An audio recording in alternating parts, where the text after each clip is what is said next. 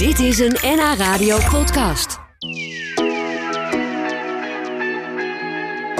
Welke levenslessen zouden we nou kunnen leren van mensen die 100 jaar oud zijn geworden? En wat is het geheim van gelukkig oud worden? We gaan erover praten hier met eh, journalist Marion Bolwijn. Je kent haar naam misschien wel. Ze heeft voor de Volkskrant die ook 100 jaar werd. Een uh, heleboel mensen gesproken die die gezegende leeftijd hebben bereikt. En een deel van die gesprekken is nu gebundeld in een boek. Levenslessen van 100-jarigen. Een heel toepasselijke titel natuurlijk. Welkom Marion, fijn dat je er bent. Dankjewel. Zelf nog lang geen 100, denk ik, als ik jou zo zie. Nee, ik ben iets over de helft. Oh, wel over de helft. Oh, oké, goed. Ik heb nog wat jaren te gaan, hopelijk. Ja. Heb je ooit wel de, de wens gehad om zo oud te worden? Of heb je daar wel eens over nagedacht? Zeker. Zou ik dat willen? Eigenlijk had ik dat niet. Ik dacht eh, ooit dat ik nooit ouder dan 50 zou worden, want zo oud is mijn vader geworden. Oh ja. Nou, dat ga ik ook niet halen. En ik had een instelling van ik hoef niet zo nodig oud te worden. Maar door deze interviews heb ik er eigenlijk veel meer zin in gekregen om wel heel oud te worden. Het motiveert wel, hè? Motiveert. Ja. Ja, dat klopt. Ja. Als je het boek doorbladert, denk je: Goh, die mensen hebben allemaal zoveel meegemaakt. En die staan toch een soort positief in het leven. We gaan straks eh, praten over de rode draad en of er geheimen uit te ontfutselen zijn uh, waar wij wat aan hebben in ons leven. Um, hoeveel mensen heb je eigenlijk inmiddels geïnterviewd? In, Ongeveer die 100... 60, want in de krant gaat het nog door, deze serie. Oh ja. Ongeveer 60 interviews. Oké, okay, goed. Nou, straks uh, horen we daar heel veel meer over. Want mijn lunchgast vandaag is Marion Bolwijn. Met haar boek Levenslessen van 100-jarigen. En ik vond één heel bijzondere opmerking van een man van 100. Die zei: Ik heb besloten om toch maar niet in Oekraïne te gaan vechten. Nou, dat geeft wel een beetje aan over wat voor soort types we het hier hebben. Maar goed, ook belangrijk om te weten: het zijn, het zijn niet allemaal uh, hele high-flying bekende Nederlanders. Gewone mensen zoals jij en ik. En hoe zij in het leven staan. Bijzondere verhalen dus straks.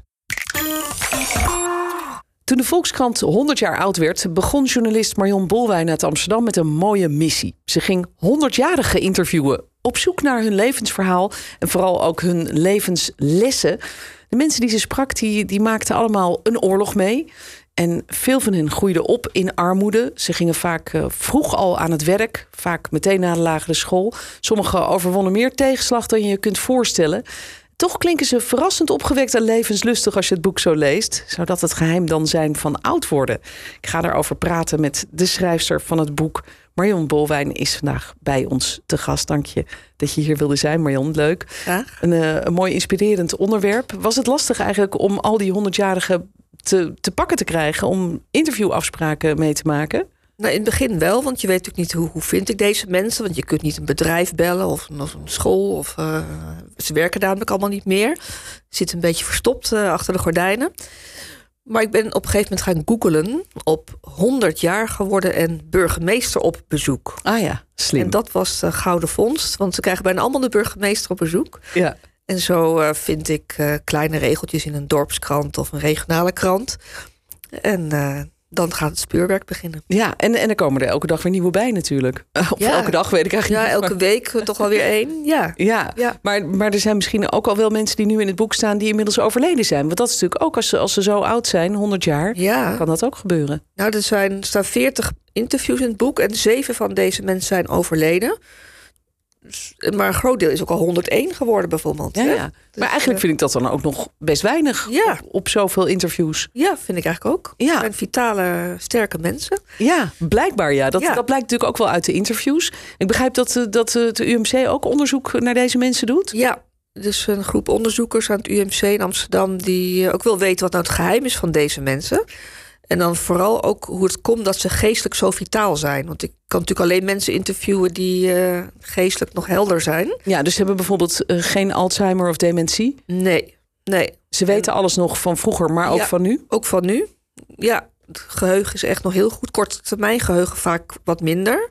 Maar daar hebben we allemaal last van. Boven Ja, de tuurlijk. 60 volgens mij. Ja, na nu al. Nu al. Waar heb ik mijn sleutels Ja. gelaten? Ja, dat. Precies. Ja, maar het is, het is dus een, een, een generatie die, die fysiek eh, sterk is eigenlijk. Hè? Dus eigenlijk weinig eh, dit soort eh, ouderdomskwalen zoals dementie. Maar ook mentaal sterk. Hoe, hoe denk je dat dat komt? Ja, dat is natuurlijk heel bijzonder. en ze hebben natuurlijk heel veel meegemaakt. Heel veel tegenslagen overwonnen. Ook ziektes. En dat, dat, daar proberen die onderzoekers ook achter te komen. Deze mensen, een deel heeft ook ernstige ziektes overwonnen. Dus er moet iets ook genetisch of biologisch zijn, waardoor zij zo uh, weerbaar zijn, ook, ook uh, fysiek. Maar het is denk ik ook hun levensinstelling. Ze zijn over het algemeen vrij nuchter en uh, optimistisch. Ze maken zich niet te sappel. Nee, nee stress uh, hebben ze volgens mij geen last van. Nee, terwijl ze dus wel heel veel stressvolle situaties hebben ja. meegemaakt. Bijvoorbeeld die oorlog, die speelt ja. wel bij al die mensen die je gesproken hebt een grote rol. Hè? Dat ze dat ja. als, als jong mens hebben meegemaakt. Ja, en ook kijk, enkeling heeft niet zoveel uh, last van gehad, van die oorlog. Omdat ze toevallig in een, een goede plek waren. Maar een heel groot deel heeft uh, ondergedoken gezeten. Zijn mensen in het verzet hebben gezeten. Nou, dat is ook heel stressvol natuurlijk. Uh, de bombardementen Rotterdam hebben meegemaakt. Uh, veel mannen zijn dwangarbeider geweest. Dus die moesten tegen hun wil naar Duitsland. Er zitten ook gruwelijke ervaringen bij. Ook mishandeld. Uh, hele zware fysieke arbeid gedaan. Maar dat toch dan overleven. En ook niet, niet wrokkig terugkijken, maar uh, ja, vol levenslust verder te zijn gegaan. Ja, dus dat, dat is misschien wel een deel van dat geheim wat je eigenlijk probeert te ontrafelen in het boek. Niet te veel achterom kijken. Nee. Proberen weer met een positief, met een schone lei eigenlijk weer verder te gaan met Klopt. het leven. Ook al heeft Ja. het heel erg tegengezeten. Ja, dat Ja. is wel een van hun eh, levenslessen. Ja, ja, dat moet je natuurlijk wel kunnen. Want eh, als ik naar mezelf kijk, ik kan best wel tobben en me wel sappel maken over van alles en nog wat. Ja, dat is heel menselijk en dat eh, heb ik ook last van heel veel mensen, denk ik. En zij Ja. zullen zich ook heus wel zorg hebben gemaakt of Tuurlijk. druk hebben gemaakt. Maar op de een of andere manier waren ze in staat om door te gaan. En ze, ze kijken niet ook dingen die in de jeugd mis zijn gegaan.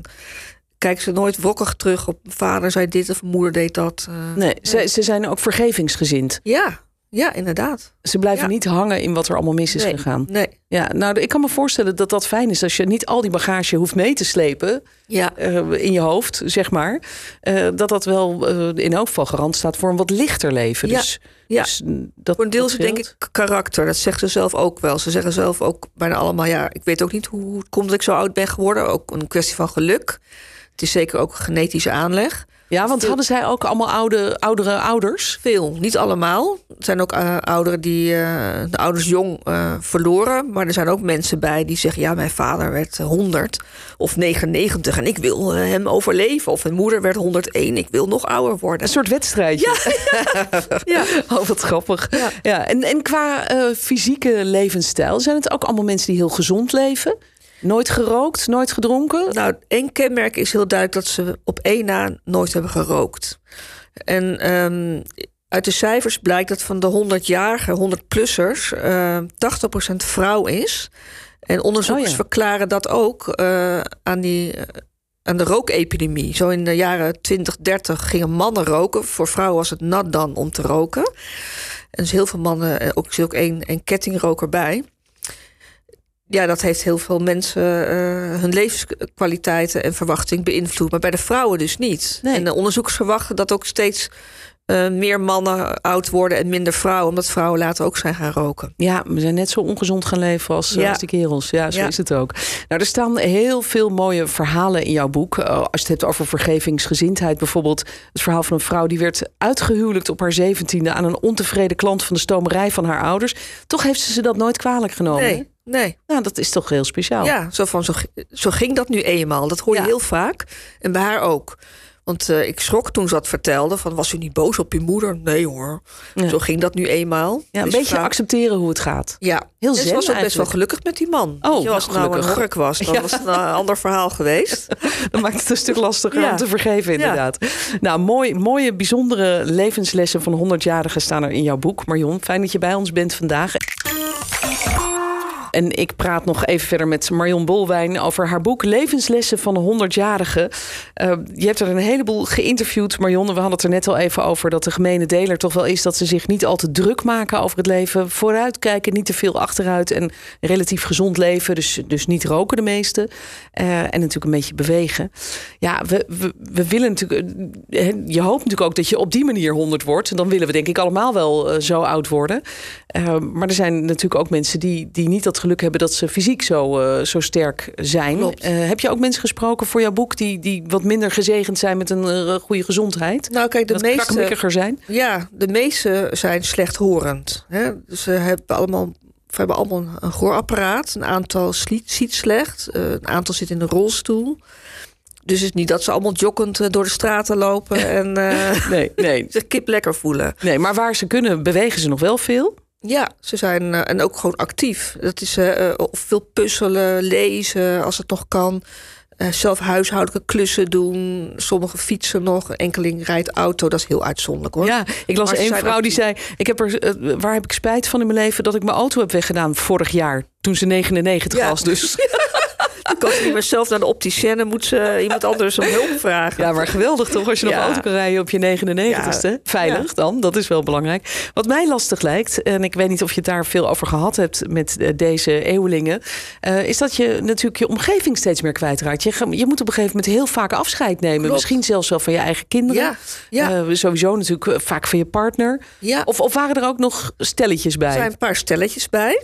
En dan is de vrouw net een jaartje jonger. Of eh, soms tien jaar jonger. Ja, dus die zijn dan bijvoorbeeld 75 jaar getrouwd of, of Ja. 80. Ja, klopt. eh, Ja. Ja.